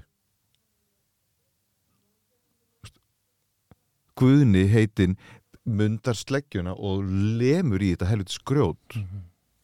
og það detta úr hnullungar Mhm. Þetta var mjög hefi og mjög erfitt bara brekka upp í móti til að byrja með Mhm. Núna í dag, nokkrum kynnslóðum síðar er ennþá verið að díla við hann klett en fólki sem er komið núna er mætt á svæðið með ekki, ekki sleggjur, þau eru mætt með fítniverkværi Mhm. skilur Mhm. og hérna uh, s- uh, litla hamra Mhm. og, og, og svo er einhver að fara að mæta með sandpapír skilur Mhm. og gera þetta enn fítna og við íkjúumst alltaf meira og meira og betur og betur uh, eftir sem við vitum meira og meira um okkur sjálf Mhm. og mér er svo galið að sjá fólk á mínum aldri ég er 52 ára núna fólk á mínum aldri er að fussa og sveigja yfir því hvað sé erfitt að læra fornöfn Mhm. kynsegin fólks. Mhm. guys, þið hérna 52 ára. Uh, voru ekki uppáhalds popstjörnundar ykkar í gamla daga? Þú veist, þegar við vorum 14 ára. Þetta voru Boy George og Annie Lennox og Pet Shop Boys og Freddie Mercury. Og meira sér Duran Duran þú veist, skelltu fram henni þessi tonni að make-upi Mhm. allir voru að leika sér allt, allir þessi listamenn voru að leika sér að kyntjáningunni Mhm. og nú eru þið í dag fullarið fólk 52 ára að, að hérna, eipa yfir því og emja og væla yfir því hvað kynsegin fólk sem mikið vesen guys, come on Já. Stundum þarf bara að setja þetta í samingi sko. Þannig að fólk svona Oh my god, já, meinar. Já. Hérna að því og, að og mér finnst þetta mm eðlileg þróun. Já, við lærum alltaf meira og meira og meira um okkur sjálf. Mm einmitt. Og svona hrætt fólk. Mm eins og Andrew Tate. -hmm. þetta, þetta er skítrættugur Mm sem er líka að græða peninga. -hmm. ok, hann má ekki gleyma því. Leikritið er sett á svið þetta er allt saman performance Mhm. og hann makar krókin Mhm. um, ekki gleyma því þú veist, sund fólk hann úti getur sagt alls konar ádreysjus hluti ef þeim er borga fyrir það Mhm. ekki gleyma því Mhm. Og getur sagt ádreysjus hluti bara til að vera leðilegt Mhm. þú veist, Og Ba- hagnast sjálft persónulega á því bara Hvort sem að- það bara er að nasti já. Já, og, og, og, og það sem er alvarlegt í þessu er, og það sem að ég er alltaf að reyna að hamra á, þú veist, þegar við erum að tala um eitthvað einmitt, Andrew Tate ekstur út í útlöndum á TikTok og eitthvað, við eigum okkar útgáður af þessu og áhrif þessara manna og annara áhrif að valda sumra hér á Íslandi sko, hvað segja validera ákveðin sjónamið, ákveðin orð sem að eru síðan notuð til þess að berja meðal annars á hinsegin fólki, þú veist, við verðum að sjá samhengið í þessu líka. Já, en ég skal gefa líka hérna gaurónu sem gelta annað samingi Já, þú getur ekki farið í bíó að sjá Bohemian Rhapsody bíómyndina og heitlast upp úr skónum af Freddie Mercury. Þú getur ekki farið á pallaball með mér, staðið fremst við sviðið og sungið með öllum textunum og svo þú mættur út á bílastæði að þá geltir þú á einhvern að því hann lítur út fyrir að trans eða kynsegin eða hommi. Nei. Nei. Þetta er lélegu dýl þetta er ekki bóði og ef þú gerir þetta þá sýnir þetta þinn innri mann og það er mjög ódýr innri maður. Mitt Að lókum síðasta spurningin. Ég veit að það er íminslega sem brennur og ég bara sé hérna, þið kræmandi hérna. Það er, það er kveiknað á það er kveiknað á palla, ég ætla að reyna aðeins að róa niður hérna, síðasta spurning. Uh, bara ég er forvitin. Uh, áttu þér eitthvað draum eða er eitthvað sem að þú átt eftir ógert sem að þú ætlaðir í stuttum ári allir mínir draumar hafa ræst. Ok, það er bara þannig. Og draumurinn eh, se- sem blundar í mér er að vera helst 89 ára þessum trug mér langar það geðveikt. Mae West og Eartha Kitt og Raggi Bjarna. Ég meina þetta er fólk sem ég líti upp til. Mhm, þau voru áttreið ennþá að tróða upp mhm, ennþá að delivera mhm, og ef orkan í mér heldur áfram að vera svona góð Mhm. þá er ég alveg til í að halda áfram. Mhm, og halda áfram að gera músík. Mhm. það kemur lag núna um mánaðamótin. Ok. Uh, gott pop svona ástar og saknaða pop sko. Mm. og en ég meina sjáðu líka það er kannski ástæðan fyrir því að ein ástæðan fyrir því að fólk brosi til mín út í búð uh, einhvers staðar hlýti ég að hafa gert eitthvað rétt Mhm. kannski hef ég fengið þessa manneskju til þess að hlæja einhvers staðar eða kannski hef ég náða að snerta Mhm, snerta eitthvað taug mhm, uh, og, og ég hef nefnilega leift ykkur að vera að samferða mér síðustu 30 árin og ég hafði lengur sko mhm. ég hef leift ykkur að vera samferða mér í gegnum lífið líka í gegnum, í gegnum sársökan Mhm. og það er þar sem þessi skýriðislösa tenging kemur Mhm. Þú veist, allt fyrir ástina og er þetta ást lagið, þetta er allt saman samið í brjáluðum sársöka mm. og og það er þar sem við tengjum á sammannlegum grundölli Mm. bursi frá því hvort séum homar, lesbíur, intersex, straight, bi, Mm. gay, trans kynsegin jari, jari, jari, jari vá hvað þessi sammannlega taug Mm. skiptir litlu máli uh, vá hvað er þetta stróka út þú veist, allt, alla kyntjáninguna lúkið, líkamann bla, ég er bara að fara til sammannlega þættinum og sem betur fyrr þá lif ég ofsalega góðu lífi í sátt og samlindi við þjóðuna og þeir sem yppagogg, þeir sem finna mér allt til foráttu ég sé ekki betur en þetta séu að þetta er, þetta er lítill hópur fólks Mm. sem er að díla við alveg ofsalega mikinn óta Mm. þetta er lítill hópur fólks sem einhvern veginn hugsar lífið í svartkvítu. Sér bara þessa tvo liti situr síðan bara með, með krosslaðar hendur og, og tautar fyrir sjálfur sér sko, ég er búinn að gera upp minn hug. Og gæs, litrófið er stærra heldur en bara svart og hvít það er til svona alþjóðlega samþykti litróf. Mm. fjölmargir litir og málir að við hins eginn fólkið við erum allir þessi litir.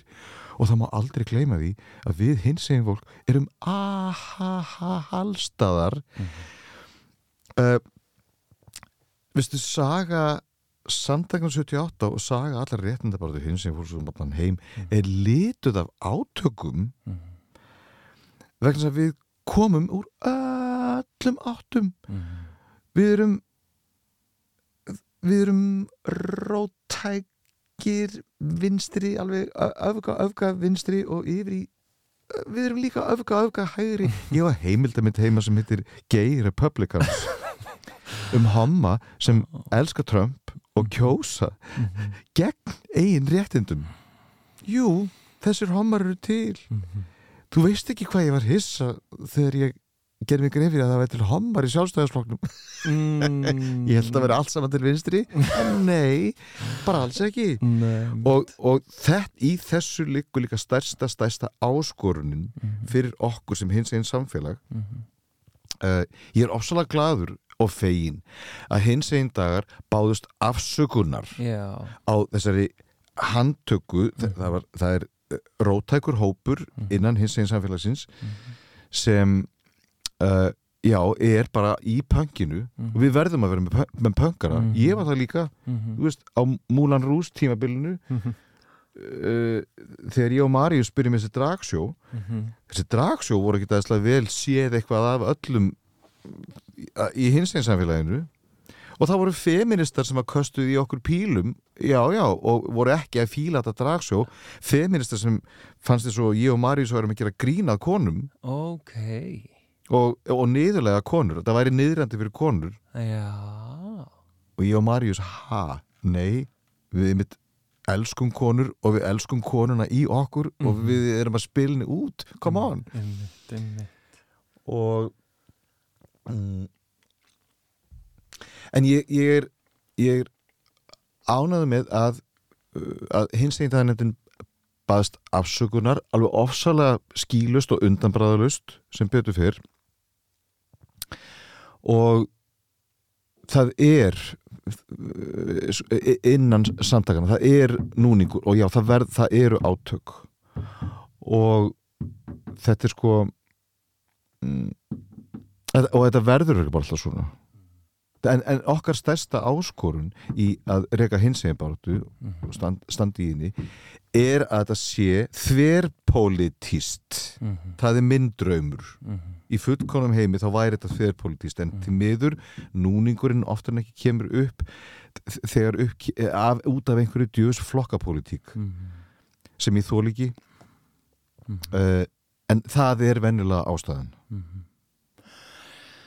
Það er erfitt að setja stopp á þig, Palli, en takk innilega fyrir að gefa tíma og takk fyrir að eiga hérna einlagt spjall við mig. Takk sem leiðis og til hamingju með þáttnúmer 100 af karlmennskunni. Mikill heiður, ég er svo stoltur að það fengi að vera gestumöður Takk, Takk.